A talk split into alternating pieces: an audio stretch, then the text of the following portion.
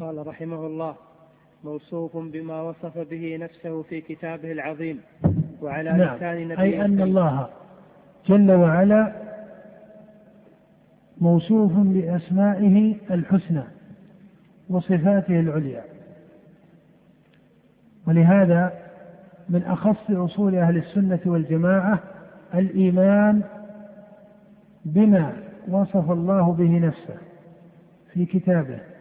أو وصفه به رسوله صلى الله عليه وآله وسلم.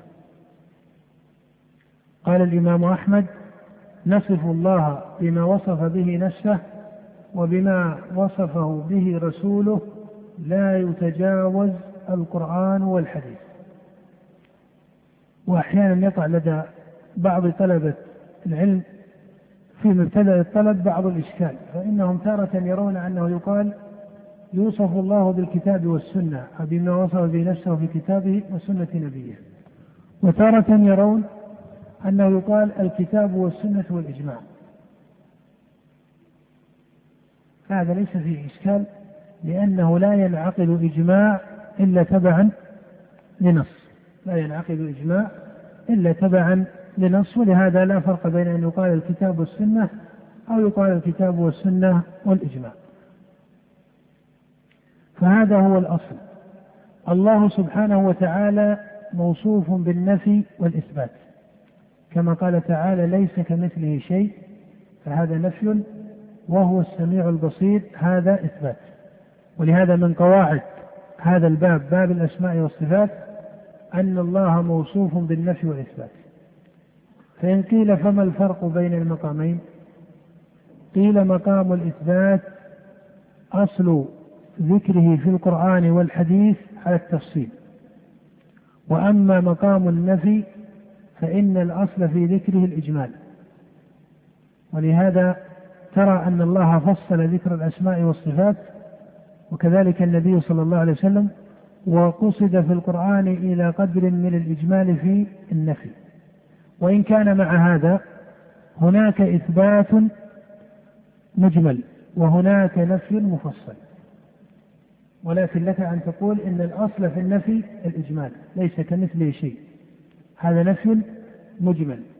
وإنما أجمل النفي كهذا الحرف من كتاب الله إنما أجمل النفي لأن النفي المجمل أبلغ في تحقيق الكمال والتنزيه من المفصل. فإن قوله ليس كمثله شيء أي ليس كمثله شيء موجود أو متخيل أو مفروض في الذهن. تعالى سبحانه وتعالى عن كل شيء. فهذا عموم تام في النفي. وكذلك إنما فصل الإثبات لأنه أبلغ في تحقيق الكمال. ولهذا ليس فاضلا الاستطراد في تفصيل النفي أو الإجمال في ذكر الإثبات. وإنما كان ذكر مجمل الإثبات لبيان شموله وتمامه. قال الله تعالى في ذكر مجمل أسمائه ولله الأسماء الحسنى هذا إثبات إيش؟ مجمل أم مفصل؟ هذا مجمل. أما المفصل في أسماء الله فهو كقوله تعالى هو الله الذي لا إله إلا هو الملك القدوس السلام إلى آخره الصفات مفصلها كقوله تعالى يحبهم ويحبونه رضي الله عنهم ورضوا عنه. كل اسم ذكر في القرآن فإنه يتضمن صفة. هذا كله تفصيل للصفات. المجمل ذكره في الصفات أين هو في القرآن؟ قوله تعالى ولله المثل الأعلى أي الوصف الأكمل. هذا إجمال في إثبات الصفات. فإذا الأسماء والصفات. ذكرت في كتاب الله مجملة وذكرت مفصلة وذكرت مثبتة وذكرت على النفي. النفي المجمل وهو الأصل كقوله ليس كمثله شيء. النفي المفصل وهو قليل كقوله لا تأخذه سنة ولا نوم لا تدركه الأبصار. ولهذا كل نفي مفصل فإنه يتضمن ثبوتا وليس في القرآن نفي مفصل يقصد به النفي المحض. ليس في القرآن ولا في السنة نفي مفصل كقوله لا تدركه الأبصار يقصد به النفي المحض.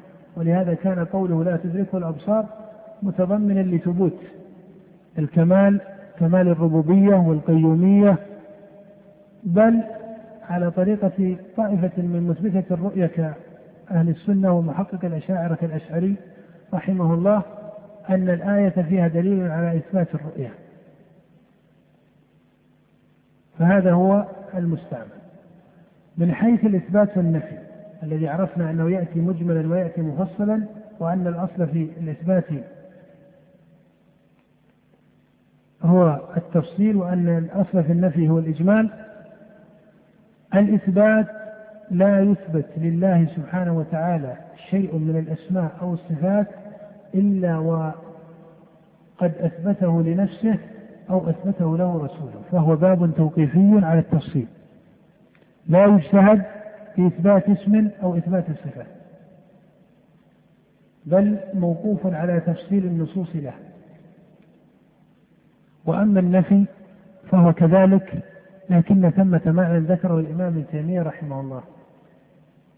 وهو أن يقال إن الله منزه عن كل نقص. هل يلزم أن هذا النقص الذي ينزه الرب عنه قد صرح بنفيه في القرآن أو في السنة؟ الجواب الآن عندنا مقامان. المقام الأول الإثبات. هل يمكن أن يثبت لله اسم؟ ليس في الكتاب أو في السنة؟ الجواب لا. أو صفة؟ الجواب لا. طيب في مقام النفي هل يمكن أن ينفع لله نقص لم يصرح بنفيه في القرآن؟ الجواب نعم. ولهذا قال شيخ الإسلام في التدمرية وغيرها ولا يقتصر في باب النفي على ما ذكر تفصيلا في القرآن أو في السنة فإنه يسير. بل كل نقص فإنه ينفى عن الله ولهذا هل ترى في كتاب الله تصريح بنفي الجهل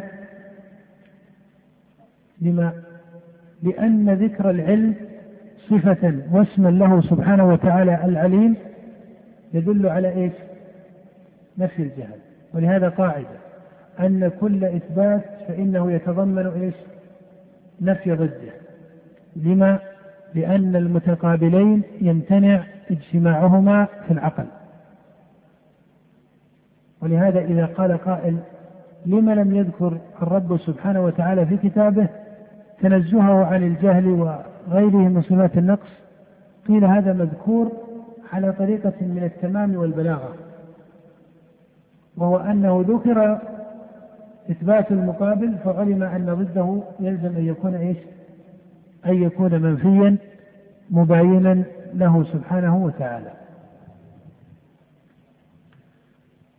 القاعدة إذن أن باب الأسماء والصفات باب توقيفي وأنه متحصل بالإثبات والنفي على القاعدة السالفة نعم. قال وكل ما جاء في القرآن أو صح عن المصطفى عليه السلام من صفات الرحمن وجب الإيمان به وتلقيه بالتسليم والقبول وترك التعرض له بالرد والتأويل والتشبيه والتمثيل وأبان رحمه الله في جمله السالفة وفي شرحها فيما بعد أن طريقته هي طريقة الأئمة وأن كل ما جاء في القرآن أو صح عن النبي صلى الله عليه وسلم من صفات الله فإنه يجب الإيمان به وتلقيه بالتسليم والقبول. وترك التعرض له بالرد والتأويل والتشبيه والتمثيل. وهذه القاعدة التي ذكرها هي القاعدة المتفق عليها بين أئمة السنة والجماعة. وحروفه التي ذكرها في هذه القاعدة هي في الجملة حروف بينة. نعم وكل ما جاء في القرآن. وما أو صح عن المصطفى.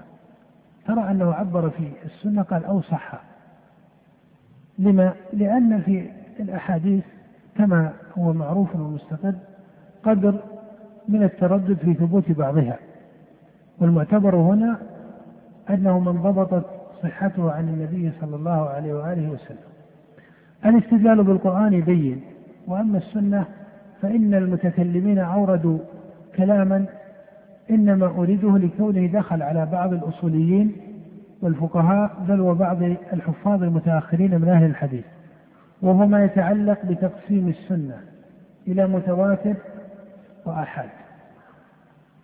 ثم رتبوا على هذا فروعا كثيرة. فأولا التقسيم من حيث هو يمنع أو لا يمنع؟ التقسيم إذا كان مجرد اصطلاح. لا يمنع لأنه لا مشاحة في الاصطلاح. الآن هذا انتهى الوقت كاملا. قالوا 45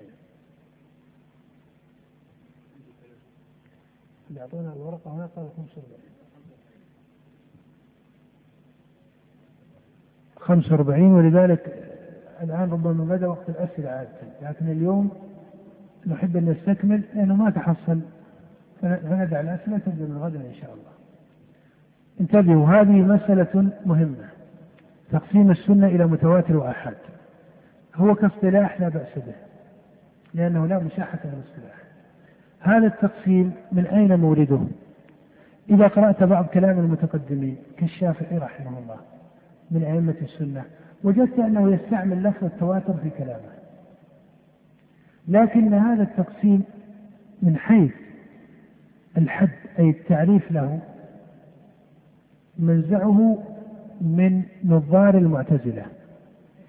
ثم دخل على متكلمة الأشاعرة ومن كتب في علم أصول الفقه. وليس عجيبا أنه يدخل في كتب أصول الفقه. لما؟ لأن أكثر من كتب في علم أصول الفقه كانوا من علماء الكلام. كأبي الحسين البصري في المعتمد وهو حنفي. كأبي المعالي الجويني في البرهان وهو حنفي.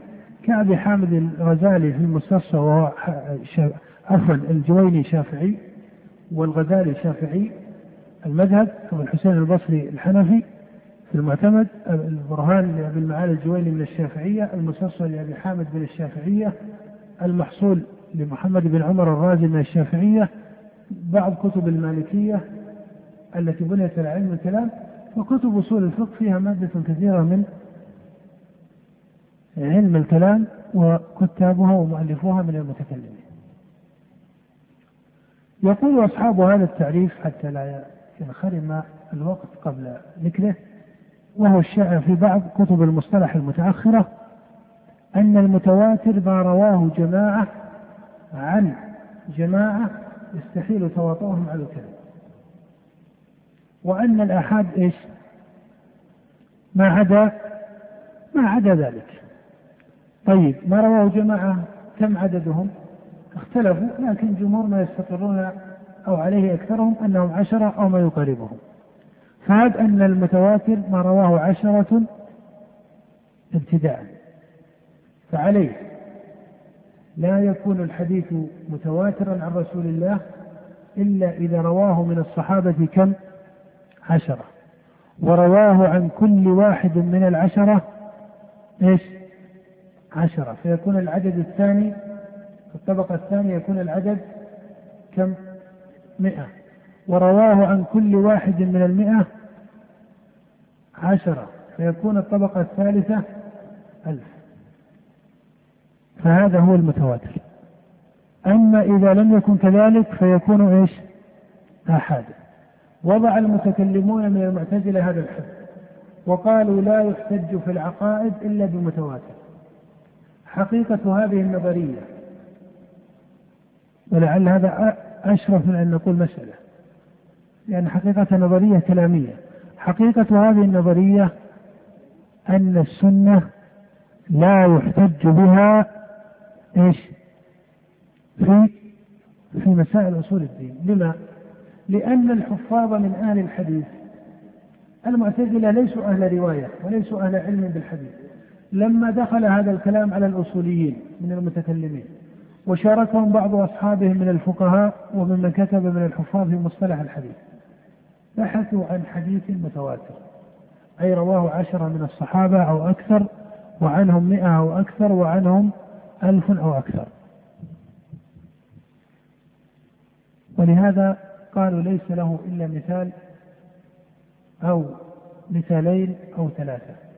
نقول هب أنها إيش؟ ومنهم من قال وهذا قاله بعض الحفاظ المحققين إن هذا الحد ليس له مثال منضبط.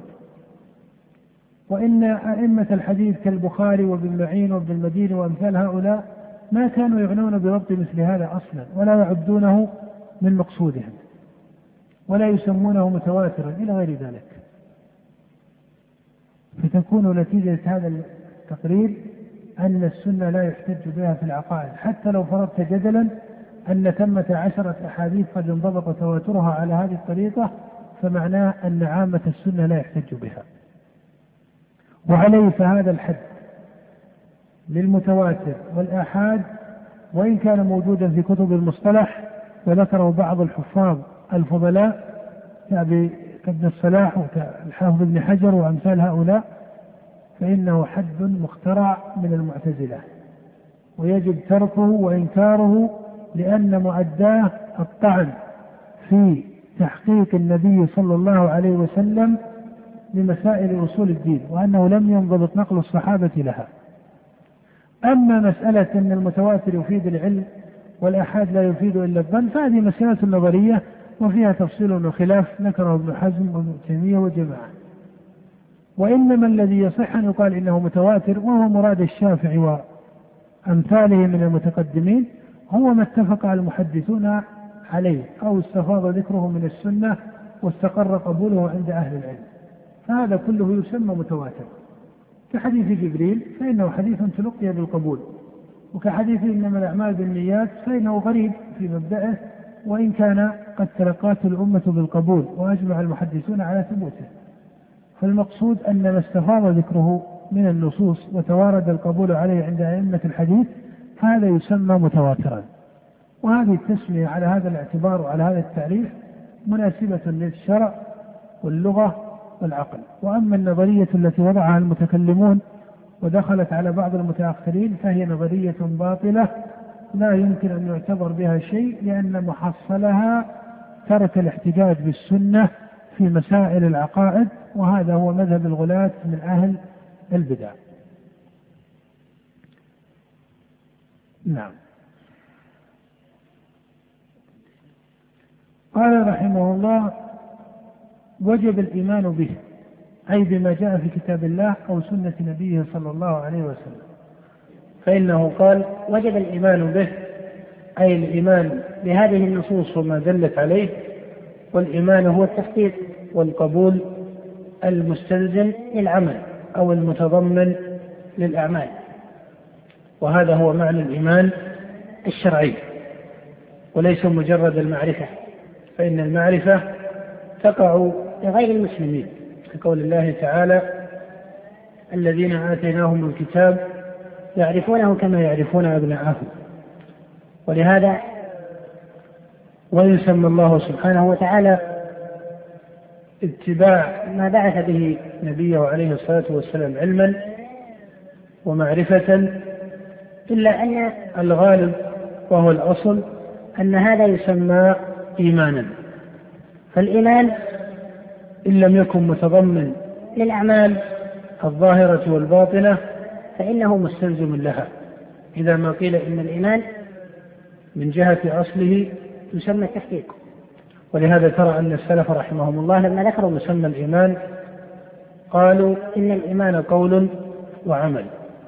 وهذا لازم من جهة الشرع ومن جهة الدلائل فإنه لا يكون مؤمنا بمحض التصور الذي هو المعرفة فقط ولا بد أن ينقاد القلب ويحصل بذلك أثر على الظاهر. وتلقيه بالتسليم والقبول. ومراد المصنف هنا بالتسليم أي أنه لا يتعرض لتأويله. ولهذا قال وترك التعرض له بالرد. وكأنه أشار بمسألة الرد إلى طعن خلق من المتكلمين فيما يسمونه من الأحاديث آحادا وإلا فليس في المسلمين من طعن برد شيء من كلام الله أو كلام نبيه صلى الله عليه وسلم الذي بان له أنه صح عنه عليه الصلاة والسلام لأن هذا الرد لا يقع إلا كفرا وزندقة وخروجا من الملة. قال والتأويل أي ترك التأويل له والتأويل لفظ مجمل. ذكر في الكتاب والسنة على معنى الحقيقة وذكر على معنى التفسير. وأما التأويل الذي قصد المصنف إلى إبطاله فهو ما اصطلح المتكلمون عليه مما قالوا فيه صرف اللفظ عن الحقيقة إلى المجاز لقرينة أو صرف اللفظ عن ظاهره إلى مؤوله لقرينة أو لصارف. هذا التأويل هو التأويل في اصطلاح المتكلمين. هذا التأويل هو التأويل في اصطلاح المتكلمين. ولفظ التأويل ذكر في الكتاب والسنة ليس على هذا المعنى بل على معنى الحقيقة في قوله تعالى هل ينظرون إلا تأويله يوم يأتي تأويله أي حقيقته. أو يراد بالتأويل التفسير.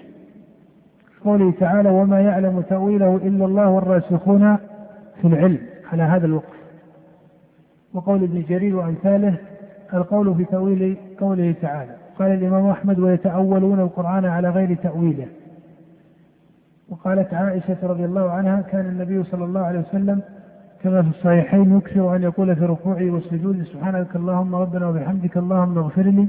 يتأول القرآن. وقال سفيان بن عيينة السنة تأويل الأمر والنهي أي تحقيقها. فالتأويل على معنى الشريعة إما الحقيقة وإما التفسير للكلام. وأما التأويل بمعنى صرف اللفظ عن الحقيقة إلى المجاز لقرينة فهذا تأويل من حدود المتكلمين. وهو مبني على مسألة الحقيقة والمجاز وهي مسألة نظرها اللغويون من المعتزلة.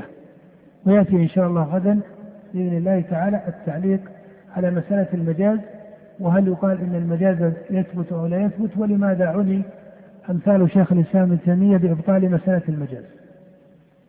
فإن أصل تقسيم اللغة إلى حقيقة ومجاز إنما هو عناية أهل اللغة من المعتزلة لنصب مذهبهم الذي عارض ظاهر النصوص في تقرير مسائل الأسماء والصفات. قال الإمام ابن قدامة عليه رحمة الله. ونفعنا الله بعلمه وبعلم شيخنا في الدارين آمين. وكل ما جاء في القرآن أو صح عن المصطفى عليه السلام أو صح عن المصطفى عليه السلام من صفات من صفات الرحمن وجب الإيمان به وتلقيه بالتسليم والقبول وترك التعرض له بالرد والتأويل والتشبيه والتمثيل وما أشكل من ذلك وجب إثباته لفظا وترك التعرض لمعناه ونرد علمه إلى إلى قائله ونجعل عهدته على ناقله اتباعا لطريق الراسخين في العلم الذين أثنى الله عليهم في كتابه المبين بقوله سبحانه وتعالى والراسخون في العلم يقولون آمنا به كل من عند ربنا نعم. وقال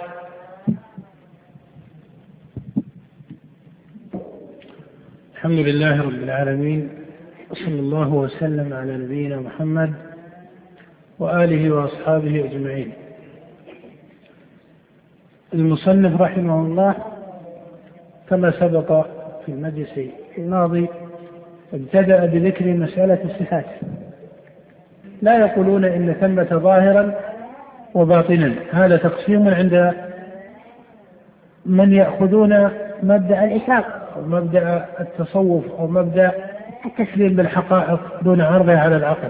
الأشياء وغيرها.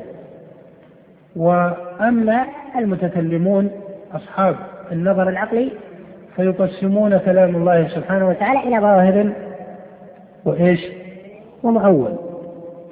الظاهر هو ما يظهر من الكلام وأما المؤول فهو المعنى الذي دل عليه حكم العقل. وهو المعنى الذي دل عليه حكم العقل. وهذا تناقض. لأنه يلزم عليه أن الظاهر لم إيش؟ لم يدل عليه حكم العقل. وعليه. هذه مسألة يطول شرحها لكن يمكن أن يلخص شأنها بأن هذا التقسيم من جهة الأصل بدعة في الشرع. ثم هو فوق كونه بدعة في الشرع. هو ممتنع في العقل. لما؟ لأن المتكلم إذا تكلم بكلام فإنه يريد بكلامه معنى في نفسه. ولهذا سائر كلام بني آدم ولله المثل الأعلى سائر المتكلمين إذا تكلموا فإنهم يريدون بكلامهم هذا معنى واحدا. ويمتنع أن يكون مريدا لأكثر من حقيقة ولا سيما إذا كانت الحقائق بينها إيش؟ بينها اختلاف أو تضاد فمثلا لو قال شخص جاء زيد يمتنع أن يكون أراد أنه جاء وأراد أنه إيش؟ لم يجي فباب الأسماء والصفات والمطالع من الإخوة ينظر أن شيخ الإسلام ابن تيمية في أول رسالة تدمرية يقول إن هذا الباب يدور بين الإثبات والنفي. باب الأسماء والصفات باب يدور بين الإثبات والنفي، باب خبري. فمعنى هذا إيش؟ أن الخبر القرآني إما أن يراد إثبات هذا الشيء وإما أن يراد عدم إثباته. فقوله تعالى مثلا ولما جاء موسى لميقاتنا وكلمه ربه. إما أن يراد. أن الله كلمه. وإما أن يراد. إيش؟ عدم ذلك. فإذا يمتنع أن المتكلم يتكلم بكلام ويريد به جملة من الحقائق بينها إيش؟ اختلاف وتضاد. وفوق هذا كله تكون هذه الحقائق المتضادة بعضها ظاهر وبعضها يحتاج إلى تأويل. وعليه هذا التقسيم ممتنع أيضا من جهة العقل. هذا التقسيم ممتنع من جهة العقل. الصواب عقلا وشرعا أن كلام الله سبحانه وتعالى واحد. من جهة المعنى، وأن الله أراد به معنى واحدا. فإذا قيل إن في كلامه أو في آيات القرآن وهذا أدق بالإطلاق إن في آيات القرآن ترددا من جهة المعنى حتى عند علماء السنة والجماعة أين ذلك؟ قالوا نرى أن جملة من آيات القرآن وأحاديث النبي صلى الله عليه وسلم تردد العلماء من الصحابة والتابعين وغيرهم في فهم معناها على أقوال فمنهم من فهم من الآية الوجوب ومنهم من فهم من الآية الاستحباب إلى غير ذلك. أو لما قال النبي صلى الله عليه وسلم مثلا في حديث أبي سعيد في الصحيح غسل الجمعة واجب على كل محتلم فهم طائفة من أهل العلم أن غسل الجمعة فرض عين وأنه واجب لا بد منه ويلحق الاسم بتركه وفهم الجمهور صحيح أن غسل الجمعة ليس ليس واجبا على التعيين وأن كلمة واجب لا يراد بها الوجوب الاصطلاحي. فالقصد أن العلماء اختلفوا في هذا الكلام ما الجواب عن هذا؟ يقال الاختلاف الذي وقع. بين علماء السلف في فهم بعض آيات القرآن في مسائل الفقه وكذلك الأحاديث. لم يرجع إلى ذات الكلام بمعنى أنهم يتفقون أن الكلام إنما يراد به إيش؟ واحد. هذا متفق عليه. أن النبي صلى الله عليه وسلم أراد حكما واحدا إما الوجوب وإما الاستحباب. لكن اختلفوا في تعيينه هذا الاختلاف يرجع إلى مادتهم الاجتهادية.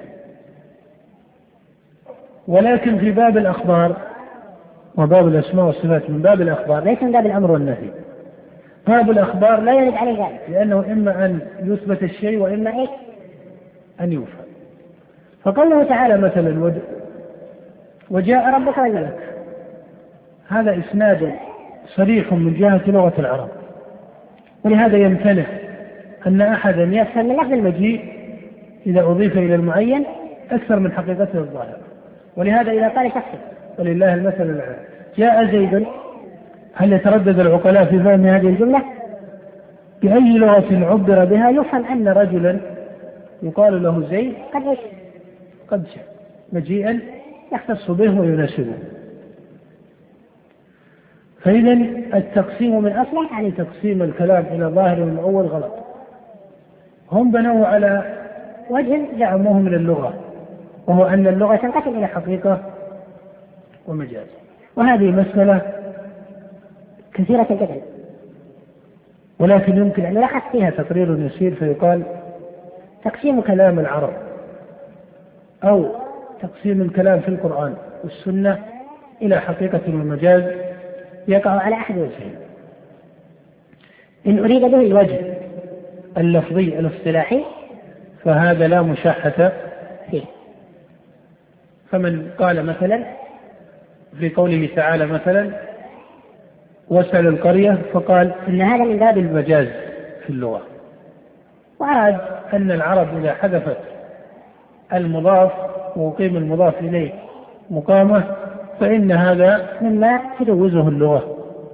أو من مجازات لغتهم. وأن المراد أهل القرية. فهذا التسمية. نقول إنها إيش؟ اصطلاح. كيف محصل هذا أن تقسيم الكلام إلى حقيقة ومجاز. إن كان من عوارض الألفاظ.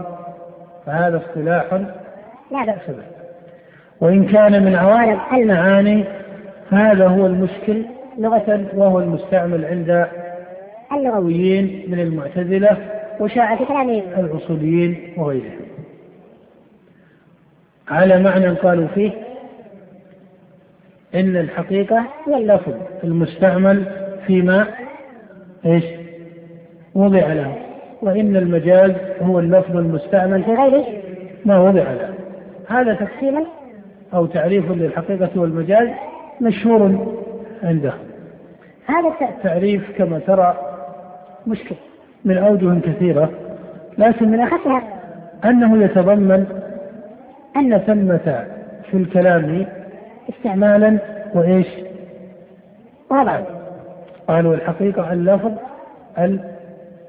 المستعمل. فيما وضع له. المجاز اللفظ المستعمل في غير ما وضع له. إذا ثمة استعمال وثمة إيش؟ وضع أليس كذلك؟ فلا يمكن أن يكون هذا التعريف صوابا أو ممكنا إلا إذا تحصل الإدراك للوضع وإيش؟ والاستعمال وأن بينهما اتحادا أو افتراقا وأن بينهما إيش؟ افتراقا أو إن كان الافتراق بينهما ولهذا لما سموا المجاز قال استعمل في غير ما وضع له هذا مشكل. منها لأن عليه سؤالات من أخفها من الواضح؟ ومن؟ المستعمل. من المستعمل؟ المستعمل هم العرب. في كلامهم من الجاهليين ومن أدرك فصيح اللغة. بعدهم. طيب. إذا كان الوضع الاستعمال واستعمال العرب؟ فالوضع وضع من؟ إذا هو وضع العرب امتنع أن ينفك الاستعمال عن الوضع. هذه النظرية. لا يمكن أن تكون صحيحة في العقل. إلا إذا فرض أن ثمة وضعا انضبط ثم عقده إيش؟ استعمال. فإذا تناسب الاستعمال مع الوضع سمي الكلام حقيقة. وإذا خرج الاستعمال عن الوضع سمي الكلام مجازا. أما إذا كان الاستعمال هو الوضع أو امتنع امتياز. أحدهما عن الآخر فإن التقسيم يكون إيش؟ ممكنا في العقل أو غير ممكن؟ يكون غير ممكن في العقل. لحسن هذا وهذا سؤال عقلي متين على مسألة الحقيقة والمجاز. أنها تستلزم إثبات الوضع وإثبات إيش؟ الاستعمال. وأن الوضع يسبق الاستعمال. هذا غير ممكن التحصيل لأن الاستعمال هو استعمال والوضع وضع الكلمات. هذا أمر لا علم فيه. كيف تحصل نظام الوضع هذا لا علم فيه.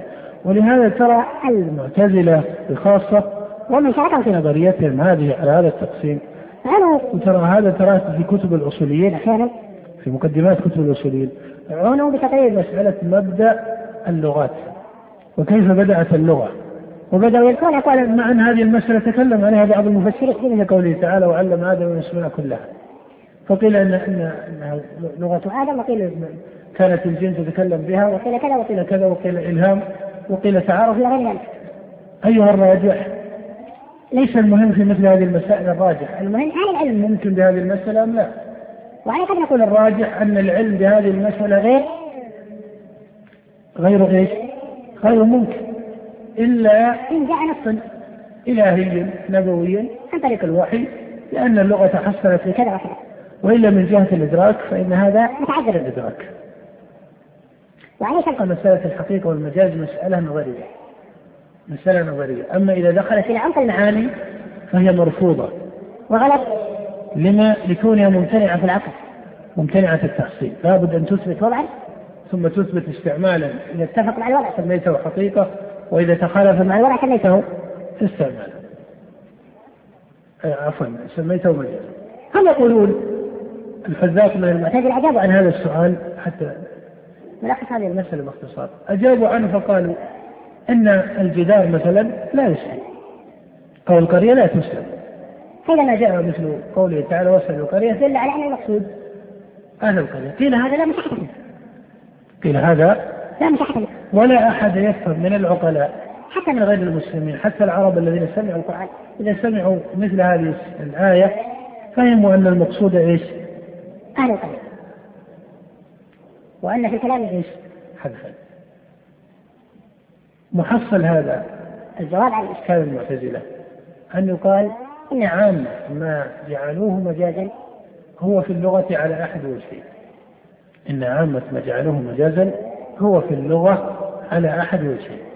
الوجه الأول أن يكون من باب الحذف.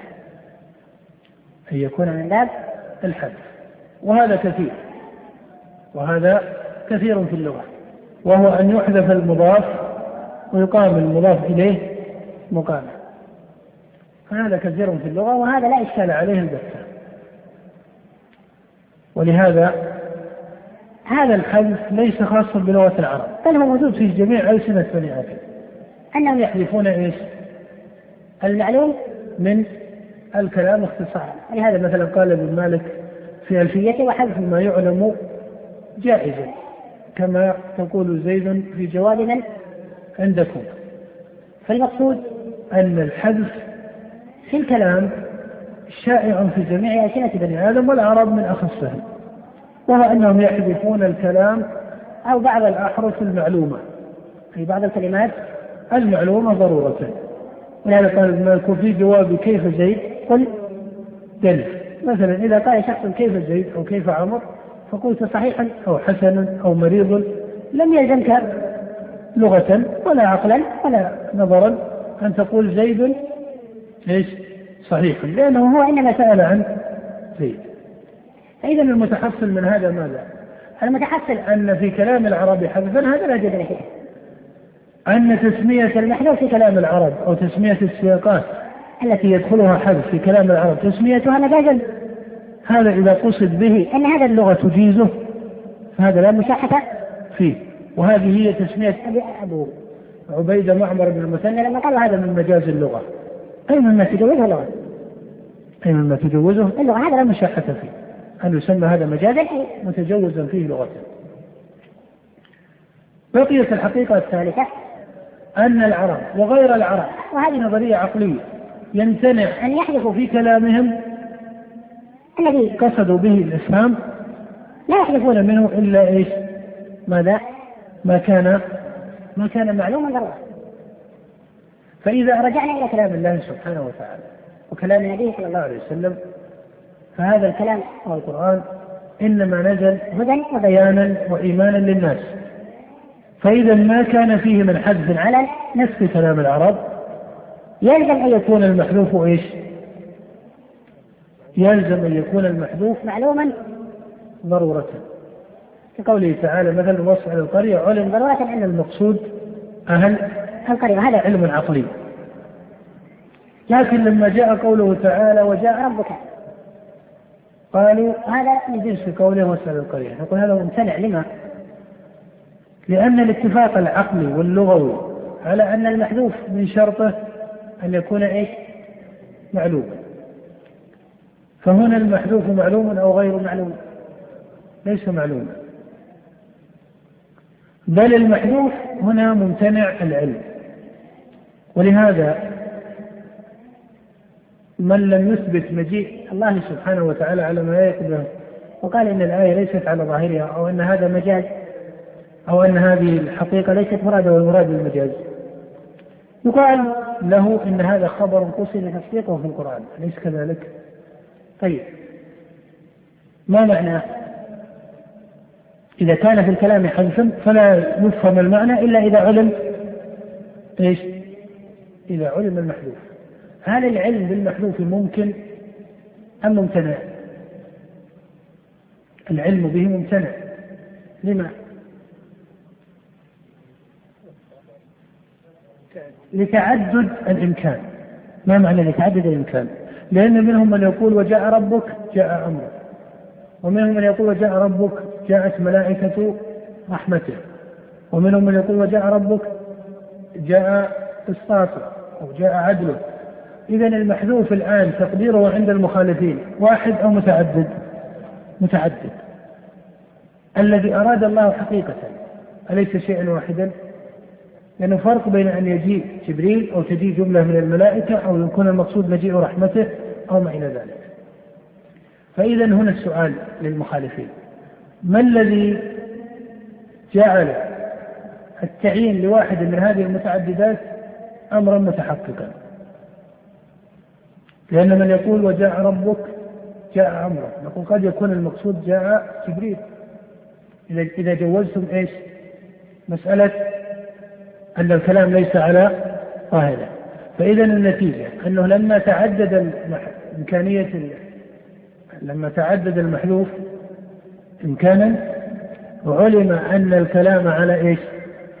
ظاهره وليس فيه حذف. بل المقصود وجاء ربك أي جاء هو سبحانه وتعالى مجيئا يليق بجلاله. فإذا النتيجة من هذا أن المحذوف من شرطه الضروري في جميع ألسنة بني آدم أن يكون معلوما علما بينا. وعليه ليس في القرآن حذف إلا إذا استقر في فهم المخاطبين ابتداء أن في الكلام حذفا وإلا تلقى السياقات على ظاهرها. لفظ الظاهر كما اسلفت انه لم يجد ذكره في القرآن على معنى الكلام إنما جاء في مثل قول الله تعالى وذروا ظاهر الاسم وايش؟ وباطنه. هذا باب آخر باب الإسم أو باب العمل هذا باب آخر. ومع ذلك فلما اشتغل الناس بلفظ الظاهر قال أهل السنة إن كلام الله ورسوله على على ظاهره. فمن قال هذا فلا بأس. فمن قال هذا فلا بأس ولكن التقسيم لكلامه سبحانه وتعالى إلى ظاهر وباطن أو ظاهر ومؤول هو بدعة محدثة في الدين باطلة في الشرع والعقل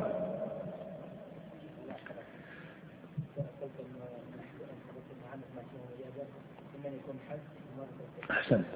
نعم إما أن يكون من باب إجازة الحذف السابق وهذا نقول إنه لا بأس بتسميته إذا انضبط المحذوف عقلا. لأن المحذوف لا بد أن يكون معلوما. الثاني أن يكون لفظا مشتركا. أي يستعمل في أكثر من سياق أو في أكثر من معنى. كلفظ اليد. فإنها تستعمل ويراد بها الصفة المتعلقة بالحي. وتستعمل اليد ويراد بها النعمة. هل هناك تناسب بين معنى النعمة وبين معنى اليد؟ الصفة أو أن النعمة إنما تعطى بهذه اليد هذه مسائل لا بأس بافتراضها أو إمكانها إنما المقصود أن لفظ اليد لفظ إيش؟ مشترك متعدد المعنى ولهذا لما قال عروة ابن مسعود الثقفي في قصة صلح الحديبية كما في الصحيح لما زجره أبو بكر فقال من هذا؟ قال هذا أبو بكر قال له عروة بن مسعود الثقفي لولا يد لم أجزك بها لأجبتك. لولا يد لولا إيش؟ لولا نعم فهذا يقولون إنه من باب المجاز. نقول كلا هذا من باب الحقيقة. ولكن لو لو فرض جدلا أن هذا يسمى مجاز في اللغة تسمية فلا بأس. فالمقصود أن بعض الكلمات في اللغة متعددة المعاني. باعتبار إيش؟ السياق. لكن هل في كلام العرب سياق واحد يحتمل جملة من المعاني في الخطاب؟ الجواب هذا لا يقع إلا على أحد وجهين. إما أن يكون المتكلم ليس فصيحا وإما أن يكون السامع ليس تام الفهم والإدراك. وعليه فإذا قيل إن العرب تعرف اليد بمعنى النعمة قيل نعم تعرفها بمعنى النعمة لكن السياق نفسه يدل على ذلك. السياق نفسه يدل على ذلك فالاعتبار بالسياقات وليس بأفراد الكلمات. نعم. ثم قال المصنف بعد تقريره لهذه القاعدة في الصفات قال وما أشكل من ذلك؟ أي في باب الصفات. وجب إثباته لفظا وترك التعرض لمعناه. ونرد علمه إلى قائله هذه المسألة هي أشكل ما أخذ على الموفق رحمه الله. وكما أسلفت بالأمس أن رسالته هذه ليس فيها غلط محض بين. ليس فيها غلط محض بين. إنما فيها بعض الأحرف المحتملة. هل هذا الكلام من المصنف تقرير للتفويض أم لا؟ أولا كما أن السلف رحمهم الله تركوا التأويل وقالوا بوجوب البقاء على ظواهر النصوص وأن النصوص معناها واحد إلى غير ذلك فإنهم تركوا قول المفوضة. والمراد بالمفوضة هم من زعموا أن هذه النصوص يؤمن بألفاظها وأما معانيها فليس هناك معنى يؤمن به. وإنما يقال المعنى الله أعلم به. هذا المذهب مذهب غلط ومذهب مبتدع وكما قال الإمام ابن تيمية إن قول المفوضة من شر أقوال أهل البدع. إذا عندنا في مقام الصفات مذهب السلف الإيمان بالأسماء والصفات من غير تحريف ولا تعطيل ولا تكييف ولا تمثيل. وعندنا ثلاثة مسالك. بدعية. المسلك الأول مسلك المعطلة المؤولة الذين عطلوا صفات الله وتأولوها إلى معاني سموها مجازا. كقولهم وجاء ربك جاء أمره استوى بمعنى استولى. هذا مذهب المعتزلة ومن يوافقهم عليه من متكلمة الصفاتية كالأشاعرة وغيرهم المذهب الثاني مذهب التشبيه وهم من شبه الله أو من شبه صفاته بصفات خلقه. والمشبهة أصلهم من أئمة الشيعة ثم دخل على بعض الأحناف أتباع محمد بن كرام هذان المذهبان أعني مذهب التشبيه ومذهب التعطيل والتأويل. مذهبان لم يشتبه على أحد من أصحاب السنة والجماعة من الفقهاء المبتعدين عن علم الكلام أنهما مذهبان مخالفان لمذهب السلف. وإنما الذي اشتبه على بعض الفقهاء التاركين لعلم الكلام أنه قول لطائفة من السلف التفويض. فظنوا أن السلف إيش؟ مفوضة. ما معنى مفوضة؟ أي أنهم يقولون إن هذه الألفاظ يؤمن بها وأما معناها فيسكت عنه. هذا التفويض لا شك أنه بدعة وهو ممتنع في العقل. ودائما يجب في تقرير هذه المسائل أن يبان التوافق بين العقل وبين النقل وأنه لا تعارض بينهما لما التفويض ممتنع عقلا؟ لأن الله سبحانه وتعالى إنما أراد بهذه الأخبار المعرفة به. فإذا كان معناها غير مدرك أمكن المعرفة به سبحانه أو لم يمكن؟ لم يمكن. ولأن الله سبحانه وتعالى أراد بذكر سياق معنى من الخبر. كقوله تعالى لقد سمع الله قول الذين قالوا إن الله فقير ونحن أغنياء. هذا خبر إذا لم يكن هناك فقه وفهم للصفة فإن العلم بهذا الخبر يكون علما ممتنعا. ولهذا التفويض قول متعذر إذا تحقق ذلك فيقال مع كونه بدعة ومتعذرا في الشرع والعقل فإن طائفة من الفقهاء المبتعدين عن علم الكلام مجدوه وامتدحوه وظنوا أنه طريق للسلف أو لطائفة منهم.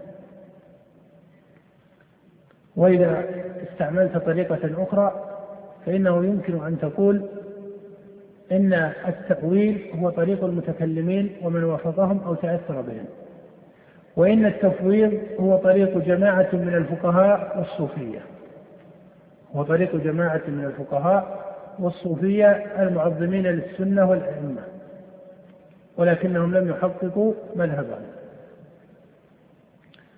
إذا فقه المقصود بلفظ التفويض وأنه لفظ آه، يراد به معنى من المعاني الباطلة المبتدعة بقي السؤال هل المصنف يعني ابن قدامة في مقامه هذا يرى التفويض أم أنه لا يذهب إليه؟ قبل هذا التحقيق أو قبل هذا الجواب بعبارة أجود قبل هذا الجواب الاعتبار دائما بتحقيق الحقائق وأما أن هذا المعين من الناس يقول بهذا المذهب أو لا يقول به هذه مسألة إيش؟ ليست من المسائل المهمة فاذا المهم أن يكون متبينا أن التفويض في الصفات طريق بدعي لا أصل له في كلام السلف بقي هل ابن قدامة يوافق المفوضة في بعض مسائلهم يقال هذه مسألة إيش؟ محتملة. ولكن الأظهر في طريقته رحمه الله أنه لا يوافقه. وإن كانت بعض ألفاظه المجملة قد تدل على شيء من ذلك وأقصد بذلك هذه الألفاظ. لأنه قال وما أشكل من ذلك. الدليل على أن الموفق رحمه الله ليس مفوضا أنه هل جعل التفويض هو القاعدة في الأسماء والصفات؟ هل ترون أنه جعل التفويض هو القاعدة؟ أم جعل القاعدة الإثبات بالتسليم والقبول والإيمان وترك التعرض له بالرد والتأويل؟ هذا كله تقرير للتفويض أو تقرير للإثبات المعروف عند السلف. أيهما؟ للأول. ثم إن هذا التقرير الذي ابتدأ به هو الذي فصله في رسالته هذه وفي غيرها من كتبه التي كتبها في أصول الدين. فذكر تفصيل الإثبات للقرآن وأنه كلام الله وتفصيل الإثبات لصفاته الأخرى سبحانه وتعالى. ولهذا تراه قال وما أشكل من ذلك فهذا يعلم به قطعا أن الموفق ليس مفوضا. إنما المحتمل أنه قد يكون عنده مادة من التفويض أو يسير من التفويض وفرق بين من دخل عليه شيء من التفويض وبين من؟ إيش؟ طريقته في الأصل طريقة المفوضة. وعليه فما علقه بعض المعاصرين من أن صاحب الرسالة يذهب إلى مذهب المفوضة وهو مذهب مخالف للسلف. الحقائق يجب أن تكون معتدلة. أما أن مذهب المفوضة مخالف للسلف فنعم لكن أن يفتات على إمام من الأئمة ويطعن فيه من باب ضبط السنة فهذا ليس بلازم. فإنه يمكنك أن تضبط السنة فتقول إيش؟ التفويض مذهب مخالف للسنة. لكن أن الرجل يقول بالتفويض هذا اختيار. لأنه كما ترى قال وما أشكل من ذلك. فدل على أن ما قد يصح أنه تفويض عنده هو جملة مشكلة في أحرف الأسماء والصفات. وليس قاعدة إيش؟ مضطردة وليس قاعدة مضطردة فتأمل قوله وما أشكل من ذلك. فدل على أن جمهوره مشكل أو غير مشكل؟ غير مشكل. دل على أن جمهوره غير مشكل. الذي غير مشكل هل ذكر فيه تفويضا؟ لا. إنما ذكر التفويض في المشكل. فدل على أن غير المشكل عنده على معناه أو على تفويضه؟ على معناه. هذا قدر لا بد أن يضبط. ثم هذا المشكل الذي قال فيه المصنف ما قال. هل قصد أنه يفوض تفويضا بدعيا؟ نقول هذا مبني على مراد إيش؟ على مراد إيش؟ على مراده بالمشكل. وهذا السؤال لابد من اعتباره. المؤلف جاء بعدما زاد كثير من الحنابلة. هذه مسألة يعني فيها شيء من التاريخية لابد أن تتصوروها ليفهم مراده رحمه الله. الحنابلة كطائفة فقهية. إمامهم رحمه الله ربما له من الاختصاص في الرد على المعتزلة الذين هم أساطين علم الكلام أكثر من غيره بسبب مسألة فتنة خلق القرآن. ولهذا بعد عصر الأئمة الأربعة جاء رجلان أبو الحسن الأشعري وأبو منصور الماتريدي. أبو الحسن الأشعري شافعي فقها. والماتريدي حنفي إيش؟ فقها. هذان الرجلان على طريقة علم الكلام لكنهما انتسبا للسنة والجماعة. فدخل علم الكلام على الشافعية كثيرا وعلى الحنفية كثيرا لأن هذين الرجلين الأشعري شافعي والماتريدي حنفي وليس ممن يعارض الأئمة بل يؤمن بمنهج أهل السنة والجماعة كمنهج عام وكأصل لكنهم يطبقون على طريقة علم الكلام. فأنتجوا هذه المذاهب التي هي ملفقة من السنة والبدعة. الحنابلة لم يظهر فيهم علماء متكلمون ينتسبون إلى الإمام أحمد فقها فصار الحنابلة منهم من يتأثر بالأشاعرة كالتميميين من الحنابلة كأبو الحسن التميمي وأبو الفضل التميمي وأمثال هؤلاء كابن عقيل كالقاضي أبي يعلى زمنا من أمره. تأثر قوم منهم بالكلابية والأشاعرة. قسم آخر من الحنابلة بدأوا يبالغون في ضبط مذهب الإمام أحمد في في الصفات والبعد عن التأويل وعلم الكلام إلى حد إيش؟ إلى حد إيش؟ الزيادة. بمعنى أنهم بدأوا يفصلون جمل ما فصلها السلف. من باب تحقيق الإثبات. كأبي عبد الله بن حامد مثلا. فهو يبالغ في تفصيل بعض المسائل التي ما فصلها السلف. إذا متحصل من هذا إيش؟ أنه كما أن ثمة طائفة من الفقهاء امتحنوا علم الكلام وبعض طرق أهل البدع فثمة طائفة من أصحاب الأئمة ولا سيما من الحنابلة صار عندهم إيش؟ قدر من المبالغة في الإثبات لم تعرف عن الأئمة رحمهم الله فبدأوا يفصلون في أمور هي قدر من الإشكال الأظهر في نظري أن ابن قدامة رحمه الله كان يبتعد عن أهل هذه الطريقة ويرى أن ما زاد عن كلام السلف والأئمة فإنه يجب التوقف فيه والمعاني التي يسأل عنها الناس مما زاد على تقرير السلف ماذا نجيب عنها؟ نقول إنها إيش؟ يفوض علمها إلى الله سبحانه وتعالى فإذا محصل هذا أن المعاني التي تكلم فيها المتأخرون الذين يعظمون السنة والجماعة وطريقة السلف تنقسم إلى قسمين. قسم من المعاني مستقر عند السلف. ما هو القسم المستقر؟ القسم المستقر هو القسم الذي دلت عليه ظواهر النصوص. القسم الثاني هو قسم متكلف من المعاني مشتبه من المعاني. فهذا بعض من رام التحقيق كابن حامد مثلا وجملة من أصحاب المذاهب الأربعة بالغوا في إثباته حتى وصل ببعض الأحناف إلى حد التشبيه. مبالغة في إيش؟ في الإثبات. يعني لما يقال الكرامية مجسمة أو مشبهة ما كان ابن كرام يقصد موافقة هشام بن الحكم من الشيعة. بل كان يذمه ويذم التشبيه. لكن بالغ في الإثبات إلى قدر وصل به إلى شيء من التشبيه. فكان ابن قدامة رحمه الله ينقد الطائفتين أهل التأويل من الحنابلة الذين تأثروا بالكلابية وينقد أو يعترض على من على من بالغوا. أخي على طريق الحق هنا منتصف الشريف. فعن مبالغاتهم في المعاني التي سألوا عنها أن يقال يرد علمها إلى الله سبحانه وتعالى. هذا هو الاحتمال الراجح. والاحتمال المرجوح أن ثمة بعض الأحرف من الصفات مشكلة عند ابن قدامة ويرى أنه يجوز فيها إيش؟ التوفيق. ولكن على كلا التقديرين لا يمكن أن يقال إن الموفق يذهب ذهابا تاما مضطردا إلى مذهب المفوض هذا لا شك أنه قدر من التعدي والاجتهاد